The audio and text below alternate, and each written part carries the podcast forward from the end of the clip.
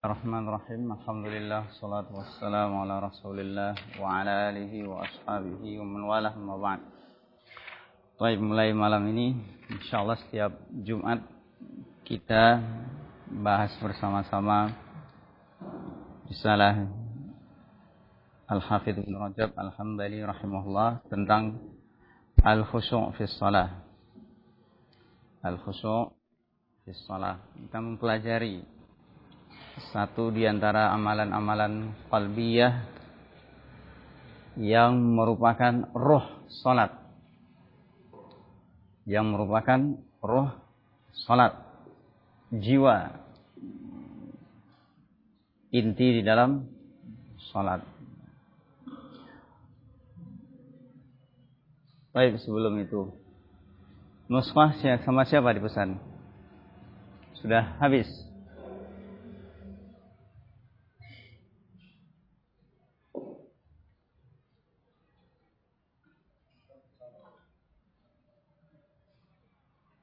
Ada yang masih punya kitab cadangan, stok pesan,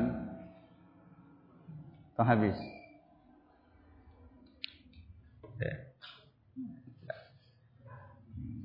Risna yang ada di tangan Ana ditahkik oleh pentolannya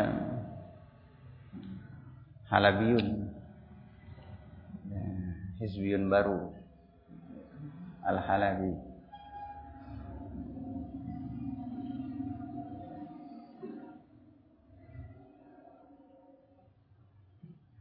Tapi lah bahas insya Allah nanti kita mungkin ganti risalah dengan apa.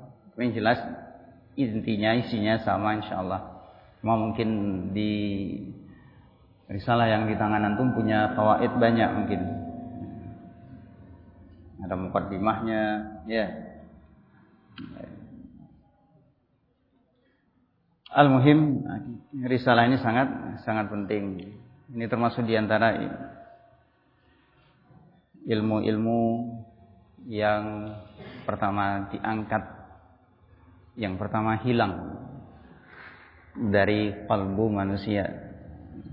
Khusyuk dalam salat, khusyuk pada Allah, kepada Allah. Maka karena apalagi di dalam Al-Qur'an Allah menyebutkan pujian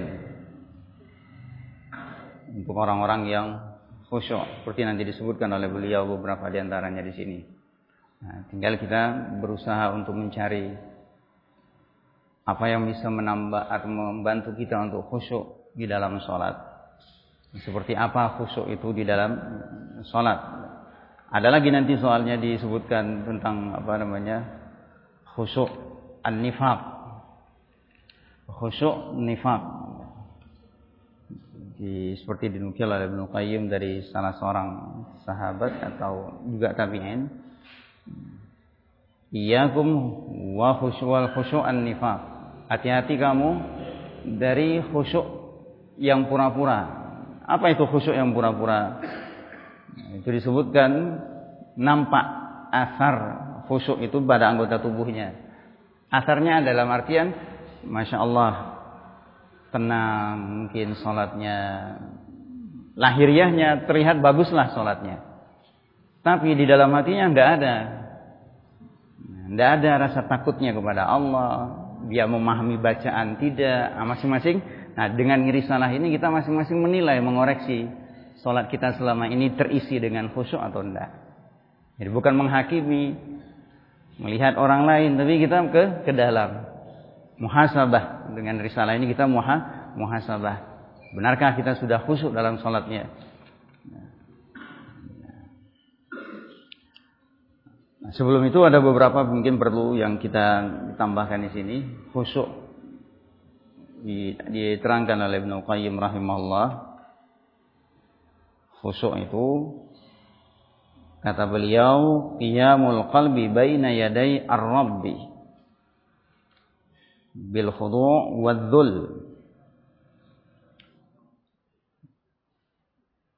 Ada beberapa definisi, tapi disebutkan definisi yang dibuat nanti oleh beliau Al-Hafidz Ibnu Rajab ini termasuk yang paling bagus. Yang paling bagus. Nah, kata berkata Ibnu Qayyim rahimahullah, khusyuk itu adalah qiyamul qalbi baina yaday ar-rabb. Hadirnya hati di hadapan Allah. Bil khudu' dengan ketundukan wadzul dengan ketundukan dan adzul dengan merendahkan diri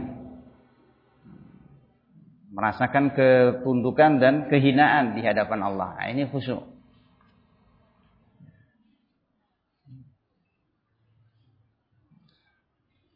Itu ada beberapa makna dia. Khusyuk di dalam Al-Quran atau yang diterangkan oleh ulama. Kemudian ada juga kalau khusyuk itu juga bermakna bisa bermakna al-inqiyad lil haq. Itu juga dikatakan khusyuk. tunduk kepada kebenaran. Tunduk kepada kebenaran. Seperti apa? Nah, di, disebutkan oleh Ibnu Qayyim juga tandanya. Supaya kita memahami seperti apa orang yang tunduk kepada kebenaran itu, khusyuk kepada kebenaran.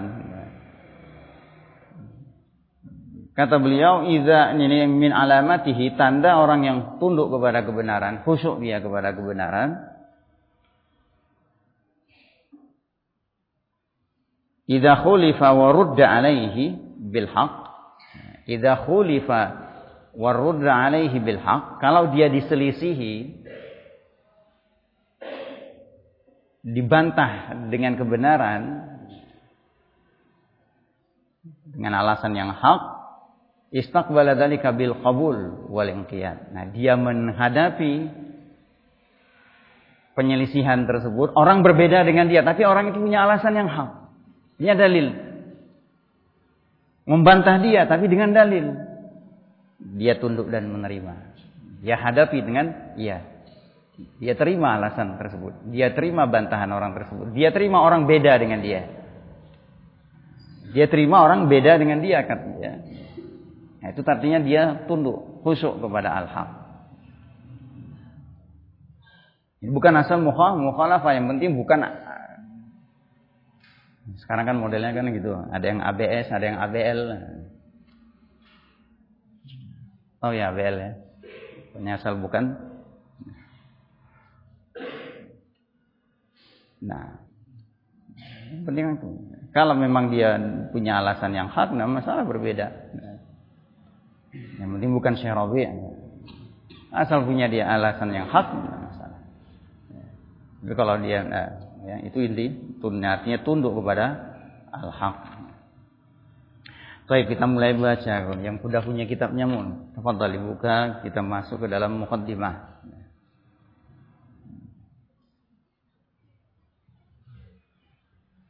Bismillahirrahmanirrahim. Wa bihi nasta'in. Walhamdulillahi rabbil alamin. Dimulai oleh beliau dengan basmalah. Yang merupakan kebiasaan ini tidaan di kitabillah wa sunnati rasulillah sallallahu alaihi wasallam. Meniru kitabullah. Al-Quran selalu dimulai dengan basmalah kecuali Al-Bara'ah surat At-Taubah juga meniru Rasulullah SAW yang biasa dalam murasalah memulai dengan basmalah. Adapun hadis yang berpegang dengan hadis kullu amrin tibalin la yubda'u bil basmalah wa abtar atau kama qal itu dhaif jiddan didhaifkan oleh Syekh Albani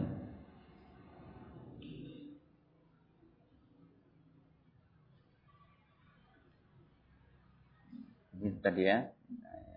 Kebiasaan Rasulullah memulai dengan basmalah. Tabarrukan ya isti'anatan. Mestinya bismillah. Mengharapkan berkah, kebaikan dan isti'anah, pertolongan, kemudahan dari Allah. Ditambah lagi dikuatkan lagi oleh beliau, wa bihi nasta'in. Dengan dengan Allah, dengan hanya dengan Allah kami. Kita minta pertolongan. Walhamdulillahi rabbil alamin.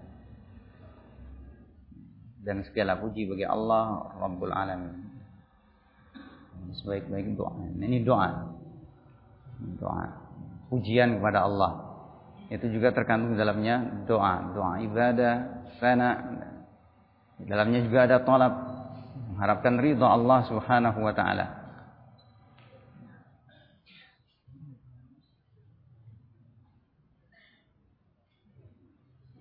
Nah. Qala rahimahullah alhamdulillahi jabiril qulubil munkasirata jabiril qulubil munkasirati min ajlih Segala puji hanya milik Allah. Wa huwa ahlun litsana wal hamd. Ahaqqu bil hamdi was sana. Segala puji itu hanya kepunyaan Allah. Semua bentuk pujian. Semua bentuk pujian, semua pujian-pujian melalui namanya, sifat-sifatnya. Allah yang berhak untuk menerimanya.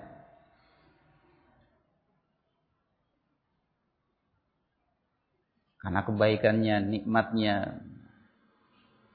Alhamdulillah itu sana pujian yang disertai dengan ta'zim dan mahabbah. Disertai ta'zim dan mahabbah kepada yang di kepada yang dipuji, kepada al-mahmud, kepada yang dipuji.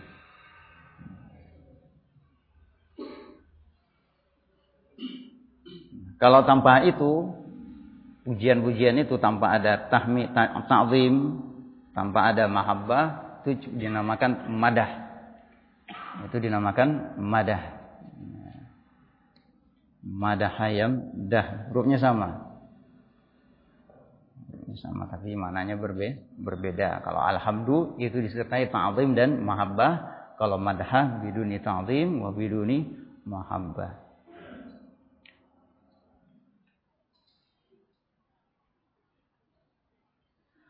Jabiril qulubil munkasirah min ajlihi yang menghibur memperbaiki hati yang hancur karenanya. Ini diambil dari nama Allah Al-Jabbar juga salah satu makna di antara makna Al-Jabbar yajburul qulub al-munkasirah. Ini makna Al-Jabbar. Wallahu alladzi la ilaha illahu Al-Malikul Quddusus Salamul Mu'minul Muhaiminul Azizul Jabbarul Mutakabbir. Di antara makna Al-Jabbar diterangkan oleh Ibnu Qayyim juga beberapa ulama yang lain.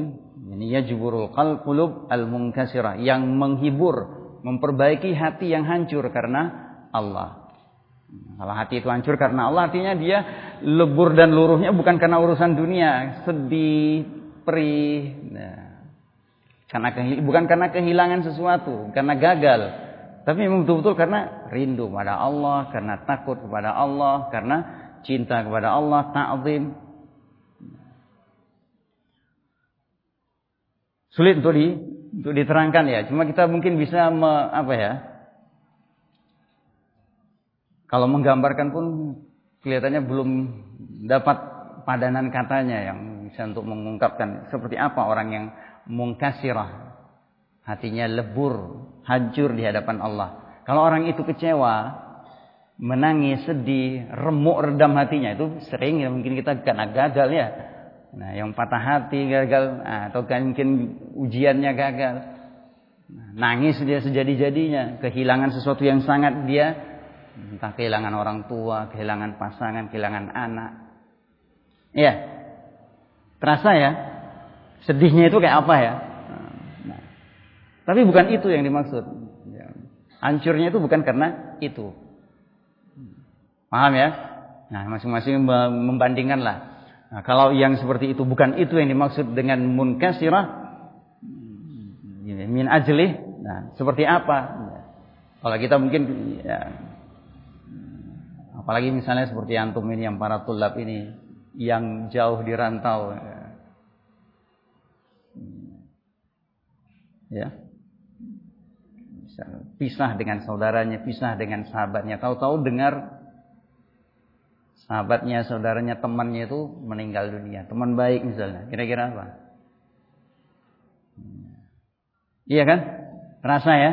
Nah, bisa menggambarkan seperti itu. Orang yang remuk hatinya, hancur hatinya, sedih pilu. Nangisnya itu nggak nangis meraung. Tidak keras suaranya, terisak tapi Rasanya remuk hatinya. Paham ya? Ini mungkasirah. Tapi karena Allah.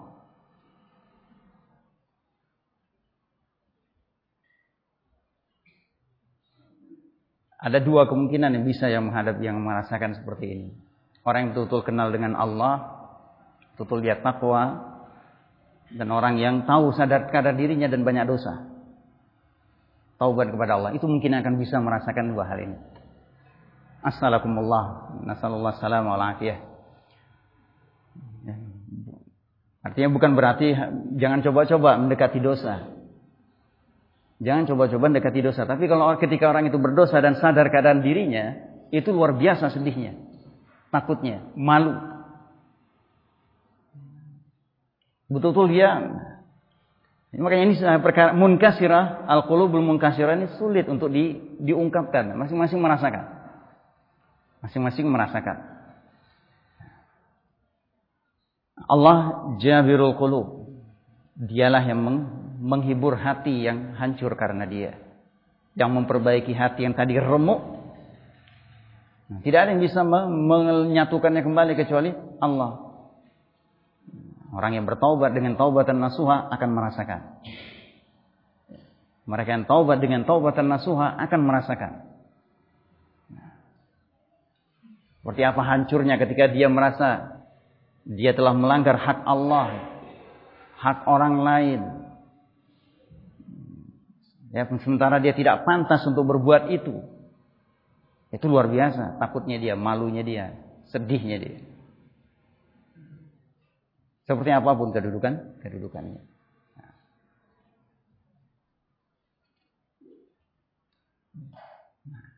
Nah, dia rasa-rasa di masing-masing menilai, mengingat.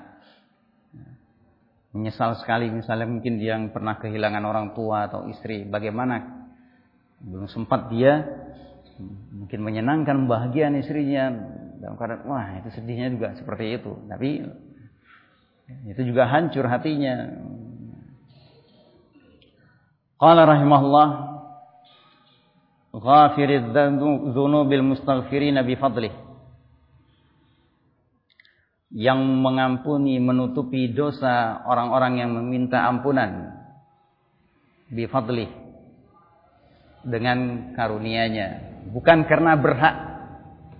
Mereka yang mustaghfirin ini di Allah, Allah ampunkan. Murni karena karunia Allah. Karena Allah yang memberikan dia ilham untuk datang kepada Allah. Hancur hatinya, sedih hatinya, malu, takut. Kenapa dia lakukan dosa ini? Nah, itu dari Allah. Bukan karena dia berhak dan pantas untuk mendapatkan untuk menerima taubat dari Allah Subhanahu wa taala. Wa ghafiri dzunubil mustaghfirin bi fadli. Semata-mata karena karunia dari Allah. Allah yang mengilhamkan dia untuk minta ampun, dia membaca doa-doa wirid-wirid tentang ampunan, dia terapkan, dia rasakan betul dia mengakui dosa, kemudian Allah menerima ampunan tersebut. Menerima permintaan ampunannya dan memberikan ampunan. Allah tutupi di dunia aibnya, kesalahan-kesalahannya Allah ampunkan di akhirat. Bahagia ketika orang itu melakukan dosa ditutupi oleh Allah, dia kemudian bertobat kepada Allah, tidak akan insya Allah dibongkar oleh Allah. Jangan dia cerita dia beberkan ke orang lain sudah ditutupi Allah, dia buka. Tapi kalau ditelanjangi oleh Allah, dibongkar oleh Allah di akhirat juga akan dipermalukan oleh Allah. Nasallallahu alaihi wasallam.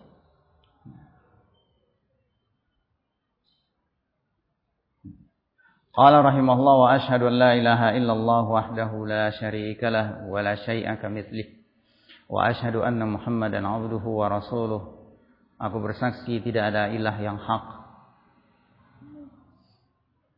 melainkan Allah satu-satunya tidak ada sekutu baginya dan tidak ada yang serupa dengannya. Wa asyhadu anna Muhammadan abduhu wa dan aku bersaksi bahwa Muhammad itu adalah hamba Allah ciptaan Allah yang diatur oleh Allah wa rasuluhu dan dia adalah utusan beliau adalah utusan Allah. Sebagai hamba beliau dikendalikan, diatur, diperintah, dilarang oleh Allah Subhanahu wa taala sehingga tidak berhak untuk menerima peribadatan, bukan Rabb, tapi beliau marbub. Allah enam, Rasul sallallahu alaihi wasallam marbub sehingga tidak layak untuk dimintai. Kepada siapa kita mintakan salawat untuk beliau? Kepada Allah, bukan kepada beliau sallallahu alaihi wasallam. Itu tadi. Orang yang mengerti salawatan, apa artinya salawat? Itu artinya Rasulullah bukan Rob. Tidak layak untuk dimintai sesuatu, tapi dimintakan kepada Allah untuk beliau. Kita mintakan salawat kepada Allah. Allahumma salli wa sallim wa rasuluhu. Beliau adalah utusan Allah sehingga konsekuensi pengakuan ini tasdiquhu fima akhbar. Membenarkan apa yang beliau beritakan. Meyakini bahwa apa yang beliau sampaikan itu pasti benar. Yang sahih berita-berita dari beliau sallallahu alaihi wasallam itu pasti benar, mutlak. Pasti benar. Tidak sekarang kita tahu hikmahnya, rahasianya ke depan mungkin.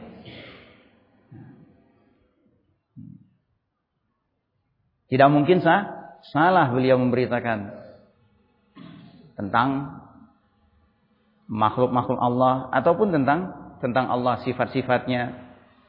Seperti Allah ya Rasulullah menyebutkan Allah yanzilu rabbuna ila sama'id dunya hina yabqa thuluthul lail akhir. Rabb kita turun ke langit dunia setiap malam ketika tersisa sepertiga akhir malam. Itu berita dari Rasulullah SAW. As-sadiqul.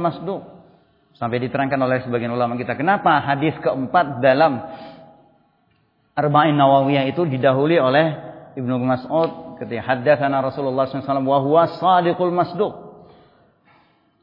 Kenapa beliau sebutkan seperti itu? Karena perkara yang disebutkan dalam hadis tersebut perkara gaib. Tidak ada mengetahuinya kecuali Allah dan beliau wasallam mengetahuinya dari dari Allah. Perkara apa? Tentang keadaan seseorang di akhirat dalam perut ibunya, tentang apa yang terjadi dalam rahim.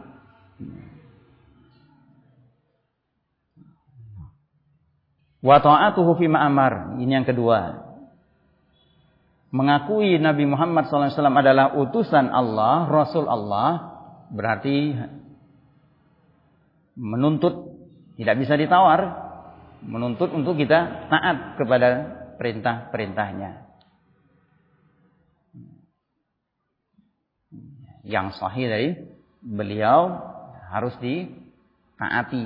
Nah, itu pun dengan kuyur, dengan ikat, ikatan semampu kita. Kalau memang kita mampu, jangan tunda-tunda. Jangan ditakwil. Wajtinabu manaha anhu wa.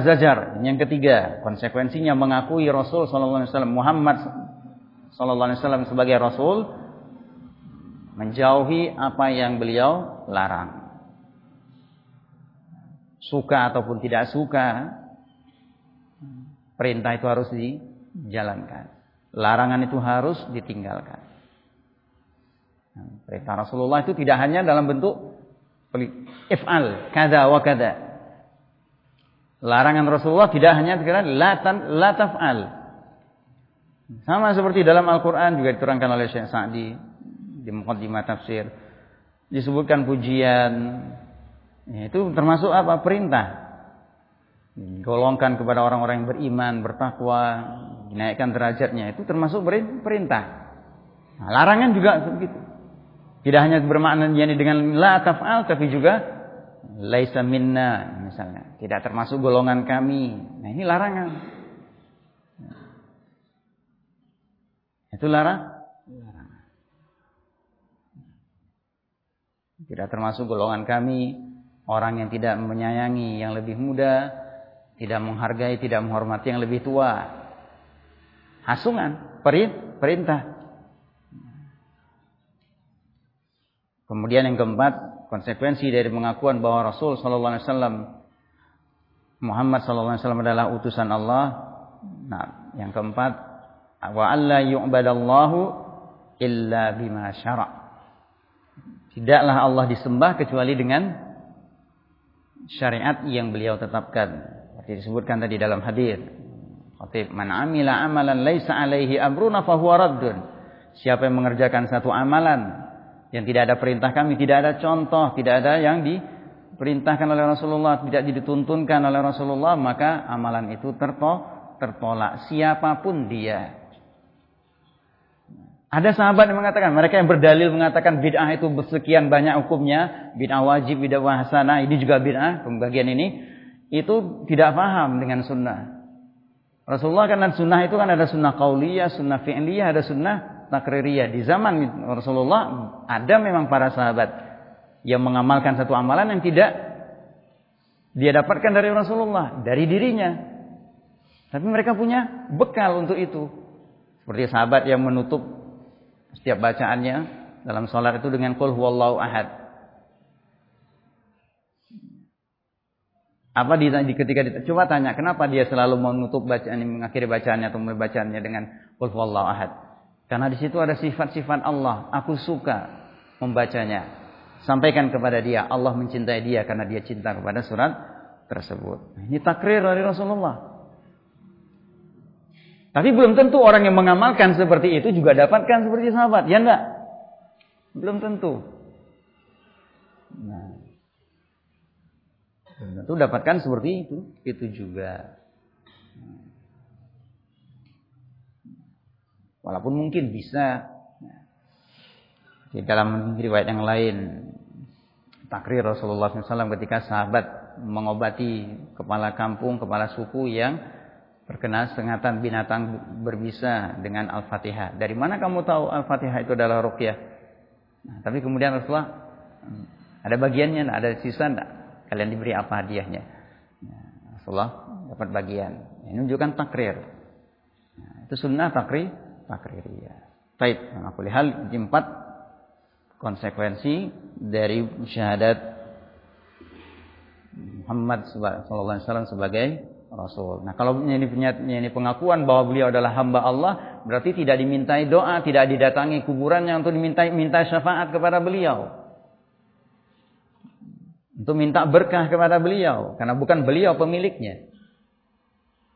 Siapa yang pemiliknya? Allah Subhanahu wa taala. Qala arsalahu bil huda Allah mengutus beliau dengan membawa petunjuk. Wa dinil haq. Dan agama yang benar. Liyudhhirahu ala dini kulli. Untuk Allah menangkan di atas semua agama. Wa khairahu wa khayyarahu baina an yakuna malikan. Allah menyuruh beliau memilih apakah menjadi malikan nabiyan atau abdan rasula atau menjadi seorang hamba tapi sebagai rasul fakhtara maqamal ubudiyah ma'ar risalah. Lalu beliau memilih kedudukan sebagai hamba dengan risalah. Kenapa? Di antaranya yang disebutkan oleh ulama karena makam ubudiyah dengan risalah ini berarti beliau nah kedudukan dia sebagai rasul itu dikendalikan diatur diatur oleh Nah, perintah nah, tidak berbuat kecuali Allah perintahkan, tidak melakukan berhenti dari satu kecuali Allah larang, nah, berbicara dengan aturan Allah. Ini makam ubudiyah.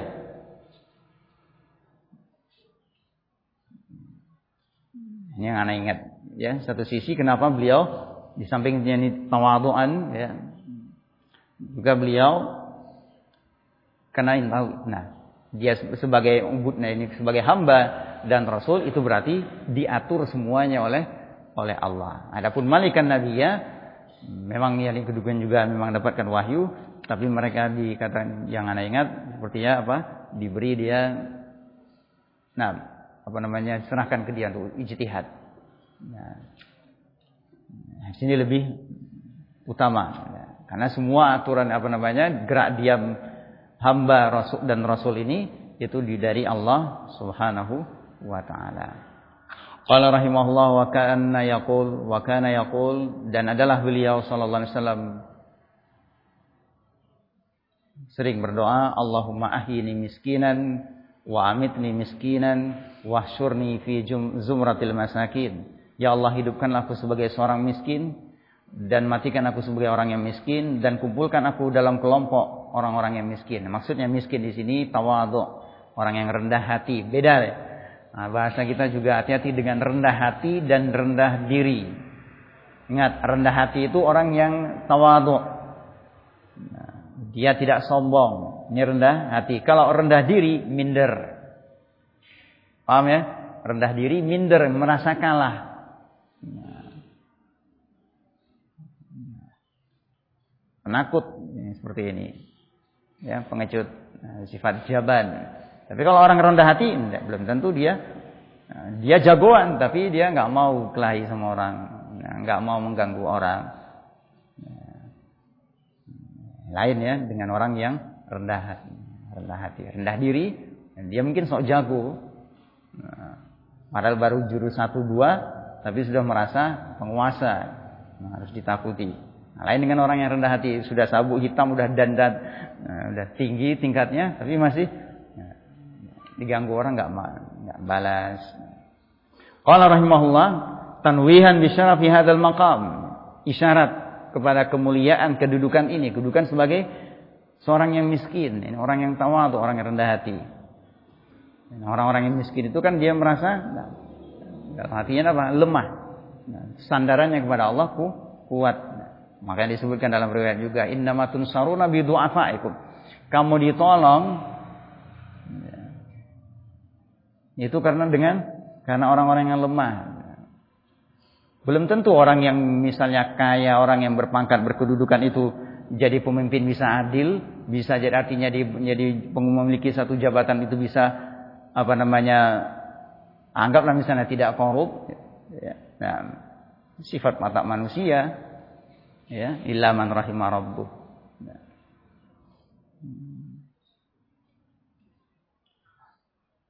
Tanwihan bisarafi hadzal maqam wa fadlihi dan keutamaan beliau sallallahu alaihi wasallam wa ala alihi wa fadlihi sallallahu alaihi wa ala alihi washabbihi juga salawat dan salam kepada Allah semoga Allah limpahkan kepada beliau juga kepada keluarga dan sahabatnya wal mustamsiki nabi hablihi wa sallim taslima dan orang-orang yang berpegang dengan tali Allah yang keselamatan yang banyak. Qadimah dari beliau. Qala rahimahullah amma thumma wa ba'du. Wa ba'du. Qala fa inna Allah subhanahu wa ta'ala madaha fi kitabih al-mukhbitina lahu wal munkasirina li 'azamatihi al-khadi'ina wal khashi'ina laha. Sungguhnya Allah Subhanahu wa taala memuji di dalam kitabnya orang-orang yang mukhbit tunduk kepada Allah. Wal munkasirin li azamatih. Orang-orang yang merasa lebur di hadapan keagungan kebesaran Allah. Al khadiin wal khashiin laha. Yang merendahkan diri dan tunduk kepada kebesaran Allah tersebut. Qala Allah taala Innahum kanu yusari'una fil khairat wa yad'unana raghaban wa rahaba wa kanu lana khashi'in. Para anbiya. Para anbiya. Ayat ini menunjukkan menerangkan Allah terangkan tentang sifat mereka. Kenapa? Antum baca sebelumnya. Mulai dari Nabi Ayub atau sebelumnya Maryam bintu Imran atau Daud dan Sulaiman, kemudian Maryam bintu Imran, kemudian Daud Ayub, Nabi Ayub, kemudian Nabi Yunus, kemudian Nabi Zakaria dan istrinya. Nah, itu disebutkan oleh Allah bala ujian tentang ini yang mereka alami. Berat. Ya. Yang belum tentu manusia enam yakni sudah mereka mampu untuk menghadapinya. Tapi kemudian disebutkan oleh Allah mereka mendapatkan jalan keluar dari cobaan-cobaan tersebut. Nabi Yunus dalam keadaan yang kita tidak mungkin bisa membayangkan. Kita yang mungkin misalnya terkurung di dalam rumah, nah di kamar mandi terkurung tidak bisa terbuka, kira-kira apa? Panik, ya kan? Nah ini dalam perut ikan bayangkan di dalam lautan. Pikiran kita bah mati sudah. Tapi subhanallah. Ya. Kenapa bisa demikian? Allah menyebutkan di antara yang sudah kita lewat dalam pertemuan yang lalu, laula annahum laula annahu kana minal musabbihin la labitha fi batnihi la yaumiddin. Nah, mereka itu seperti itu. Nah, ini di secara umum mereka di para anbiya itu dan juga bukan hanya para anbiya, orang-orang yang Allah berikan pertolongan seperti itu adalah innahum kanu yusari'una fil khairat wa yad'unana raghaban wa rahaba wa kanu lana khashin. Mereka senantiasa Kenapa begitu mudah? Karena mereka dahulu di dalam hidupnya dalam keadaan lapang, dalam keadaan makmur, sehat, bersegera kepada kebaikan. Dan berdoa kepada kami, beribadah kepada kami, doa, doa talab, doa ibadah dengan penuh harap dan rasa takut. Dan mereka dahulu senantiasa tunduk kepada kami. Waqala ini juga pujian. Wal khashiina wal khashiat dalam surah Al-Ahzab ya sampai Allah berfirman, "A'addallahu lahum maghfiratan wa ajran 'azima."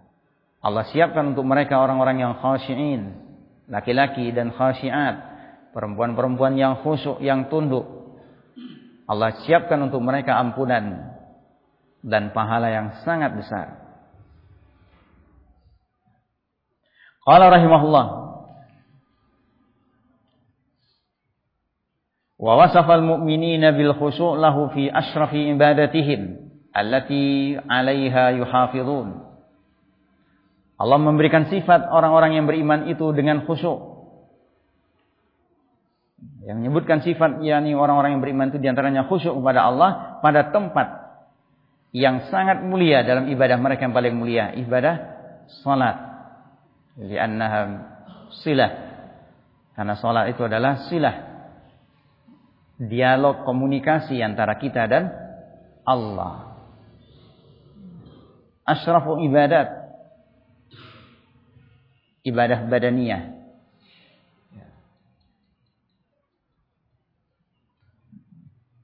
Yang merupakan pemisah. Furqan. Yang memisahkan antara keislaman dan kekafiran.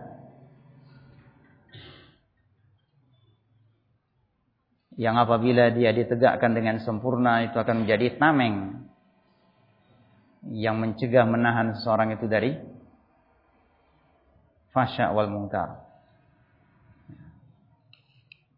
dan juga menjadi tanda kemuliaan bagaimana Islam di dalam diri seseorang itu bagaimana dia memelihara memperhatikan salatnya Semakin dia muliakan sholat itu dengan dia jaga semuanya rukun-rukunnya. Bahkan yang inti yang akan kita pelajari ini.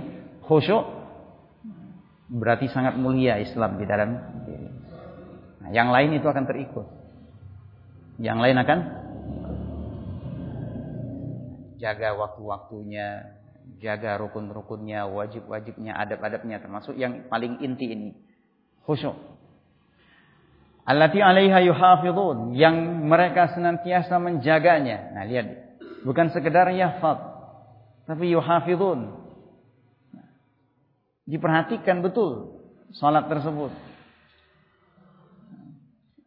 Waktu-waktunya, nah ini ya waktu yang paling juga paling penting. Nah. Walaupun ada ya ini kalender, nah tapi karena kadang jam kita beda. Ya, jam kita mungkin lebih cepat 5 menit atau mungkin lebih lambat 5 menit. Nah, itu bisa jadi kacau nanti. Nah, ya. Artinya walaupun misalnya kalendernya sudah tepat kita mau apa? Nah, nah tahanlah. Ya. Nah, pertimbangan itu tadi. Jaga adab-adabnya, jaga semuanya. Qala qad aflahal mu'minuna alladziina hum fi salatihim khashi'un. Beruntung orang-orang yang beriman itu, yaitu orang-orang yang mereka itu dalam salatnya khusyuk tunduk itu tadi di antara tandanya itu apa namanya hadir hatinya di hadapan Allah. Jadi, hadir hatinya di dalam di hadapan di hadapan Allah. Bagaimana dia bisa hadirkan hati? Ingatlah bahwa dia berada di hadapan bukan sesuatu yang kosong. Yang memberi detak pada jantungnya, paru-parunya berdenyut. Yang ubun-ubunnya berada di tangan di tangan Allah dikatakan zat tersebut. Sekarang dia berdiri berdiri di hadapan di hadapannya. Nah, ya, itu yang paling paling penting. Tunduk dia. Kalau sudah seperti itu, dia akan tenang dalam sholatnya. Dia akan tenang. Nah, salat sebagai apa namanya sebelum itu mungkin untuk memudahkan kata mereka yang merangkum tentang khusyuk ini juga salah satunya adalah memahami apa yang dibaca. Wirid yang antum baca mulai dari takbir ya, mulai dari takbir Allahu Akbar. Siapa yang antum puji? Allah. Siapa Allah antum sudah belajar. Zat yang memiliki sifat mah sempurna, zat yang menciptakan antum, menciptakan kita, menciptakan alam semesta. Allahu Akbar. Tidak ada yang lebih besar dari Allah. Merasakan bahwa kita betul-betul sangat kecil di hadapan di hadapan Allah. Ini yang sulit. Baca doa iftitah. Betul-betul mestinya. Apalagi mereka membaca Allahumma ba'id. Doa. Ya Allah jauhkanlah antara aku dan kesalahanku. Kama ba'at bainal masyriq wal maghrib sebagaimana engkau menjauhkan antara timur dan barat. Itu kesalahan kita. Betapa banyak yang kita lakukan. Betapa banyak yang kita lakukan dari satu anggota tubuh kita. Belum lagi yang lain-lain. Kita betul-betul minta kepada Allah di dalam doa iftitah itu. Ya Allah jauhkanlah. Jangan sampai seperti yang disebutkan oleh Allah dalam Al-Quran. Yauma tajidu min khairin muhdara wa ma min su' tawaddu law anna wa bainahu amadan ba'ida. Jangan sampai nanti kecolongan nanti di akhirnya di akhirat nanti ya Allah seandainya jauh antara kejelekan dia dan nah, di saat inilah makanya kita minta kepada Allah ya Allah jauhkan kesalahan-kesalahanku dariku. Lebih-lebih ingat kesalahan dalam diri kita dalam hati itu lebih berat. Yang paling sering kita kita lupa. Hasad, kibir, ya, riak mungkin, sum'ah, ujub, itu mungkin ada. Ini yang paling penting untuk kita mintakan kepada Allah dijauhkan. Nah, apalagi yang kedua, Allahumma naqti Nakini minal khatoya kama yunaqqa saubul abyadu minad danas. Bersihkan hatiku, bersihkan aku dari dosa sebagaimana dibersihkannya kain putih dari kotoran itu bukan hanya bukan main-main kita doa dalam doa dalam sholat itu. Nah, Allah magsil khatoya ya Allah magsil khatoya ya bil ma'i wal barat. Itu juga doa. Nah, itu ingat. Nah, kita ingat ini tadi, kita baca ini tadi, kita ingat ketika kita berwudu. Maka diingatkan oleh Syekh Muhammad bin Salim Taimin, hadirkan tiga hal dalam ketika kita berwudu itu. Bahwa itu adalah perintah Allah. Yang kedua itu adalah sunnah Nabi. Nah, kita hadirkan yang ketiga apa? Kita, kita mohon Allah menggugurkan kesalahan kita bersama tetes terakhir. Bagaimana disebutkan oleh Rasulullah SAW. Orang itu kalau betul-betul sempurna wudhunya, berarti dia sudah siap lahir batin untuk masuk ke dalam sholat. Jangan seperti kita dulu waktu kecil. Sholat itu jadi kebiasaan. Baca ya rokok, sujud. Tapi tidak ada pengaruh dalam hati kita. Tidak ada bekas. Baca ya baca. Nah, ini yang harus kita. Nah, ini untuk kita mengkoreksi, mengoreksi diri kita, perbaiki apa yang kurang. Kalau kita mau membandingkan keadaan kita yang kita yang mengaku salafi ini, membandingkan keadaan kita dengan keadaan salafun salih radhiyallahu anhum, jauh memang. Ya, tapi kita berusaha untuk jangan terlalu jauh dari mereka. Ya. Qala rahimahullah wa wasafa alladhina utul ilma bil khusyu' haitsu yakunu kalamuhu masmu'an. Dan Allah sifatkan orang-orang yang diberi ilmu itu dengan khusyuk, tunduk di mana kalam mereka nah, ini haitsu yakunu kalamuhu masmu'an. Jadi ketika kalam Allah didengar oleh mereka. Ini ketika mereka mendengar kalam Allah, tunduk hati mereka. Qala innal ladzina utul ilma min qablihi. Sungguh orang-orang yang diberi ilmu sebelumnya, idza alaihim yakhiruna lil adqani sujada. Jika dibacakan kepada mereka ayat-ayat Allah itu, mereka tersungkur di atas di dagu-dagu mereka yang di dalam keadaan sujud. Wa yaquluna subhana rabbina mereka mengucapkan maha suci Rabb kami In kana wa'du rabbina la maf'ula. Sungguh janji Rabb kami pasti terlaksana. Wa yakhiruna lil adqani yabkuna wa yaziduhum khusyu'a. Mereka menyungkur sujud dan menangis sambil menangis dan bertambah-tambah khusyuk mereka. Nah, ini pujian. Nah, ini asal asalnya artinya disebutkan di dalam Al-Qur'an banyak tentang kata-kata khusyuk. Juga disebutkan sebagai pujian-pujian. Ya. Wasta'inu bis sabri was salah wa innaha lakabiratun illa 'alal khashi'in. Perintah untuk minta tolonglah kamu kepada Allah dengan sabar dan salat. Tapi subhanallah ternyata dua perkara ini sangat berat. Perkara yang besar, berat untuk dilakukan illa 'alal khashi'in. Kecuali orang-orang yang khasyi, orang-orang yang khusyuk. Lalu apa itu khusyuk? Nah, yang tadi sudah disebutkan dalam pengertian Ibnu Qayyim. Qiyamul qalbi baina yaday Rabb bil khudu' wadzul. Merasakan rendah dan tunduk di hadapan Allah. Qala wa aslul khusyu' ini ada yang memuji, menyebutkan ini definisi yang paling baik di antara definisi yang paling baik.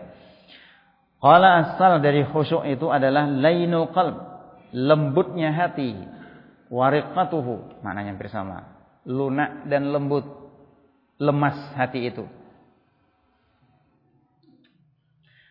Wasukunuhu tenang. Wa khudu'uhu tunduk. Wa inkisaruhu lebur, remuk. Wa hurqatuhu terbakar. Terbakar ini bukan mendidih, bukan marah, tapi dia dalam keadaan terbakarnya maknanya maknanya hancur tadi. Fa idza khasha'al qalbu apabila khusyuk kalbu tersebut tabi'ahu khusyu'u jami'il jawari akan diikuti oleh kekhusyukan semua anggota badan wal a'dha Anggota tubuh dan anggota badan itu akan semuanya ikut. Kalau hati itu khusyuk. Li'annaha tabi'atun laha. Lahu. Karena anggota-anggota tubuh ini tadi bekerja. Dia bisa khusyuk ketika ada di dalam hati itu kekhusyukan. Kama qala Nabi sallallahu alaihi wasallam ala wa inna fil jasadi mudghatan idza salahat salahal jasadu kulluh wa idza fasadat fasadal jasadu kulluh ala wahyal qalb. Dari sini kita dapat kesimpulan bahwa Khusyuk itu mahalluhu al-qalbi. Al-qalbu. Tempatnya di hati.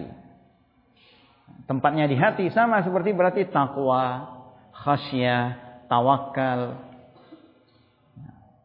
Pangkal dari as-sidqu juga di dalam hati. At-taqwa hahuna kata orang. Rasul sallallahu alaihi wasallam. Takwa itu di sini, bukan di sini, bukan di dalam anggota badan. Makanya tadi disebutkan khusyukun nifak terlihat asar khusyuk itu bekasnya pada anggota tubuh tenang sholatnya masya Allah tapi hatinya tidak ada rasa takut kepada Allah baca ida zulzilatil ardu zilzalaha tidak sadar kalau dia juga kena jadi ingatkan di situ faman ya'mal mithqala dzarratin khairan yarah Wa may ya'mal mithqala dzarratin syarran. Sekecil apa pun pasti dia akan melihat. kebaikan dan kejelekannya. Niat yang terlintas dalam benaknya juga pasti akan dia dapatkan buahnya. Nah, orang nggak punya, nah, hatinya tidak ada khusyuk, tidak kenal dia dengan siapa dia berhadapan. Nah, ini bahaya. Baca Alhamdulillahi Rabbil Alamin. Tidak sadar dia dengan siapa dia bicara.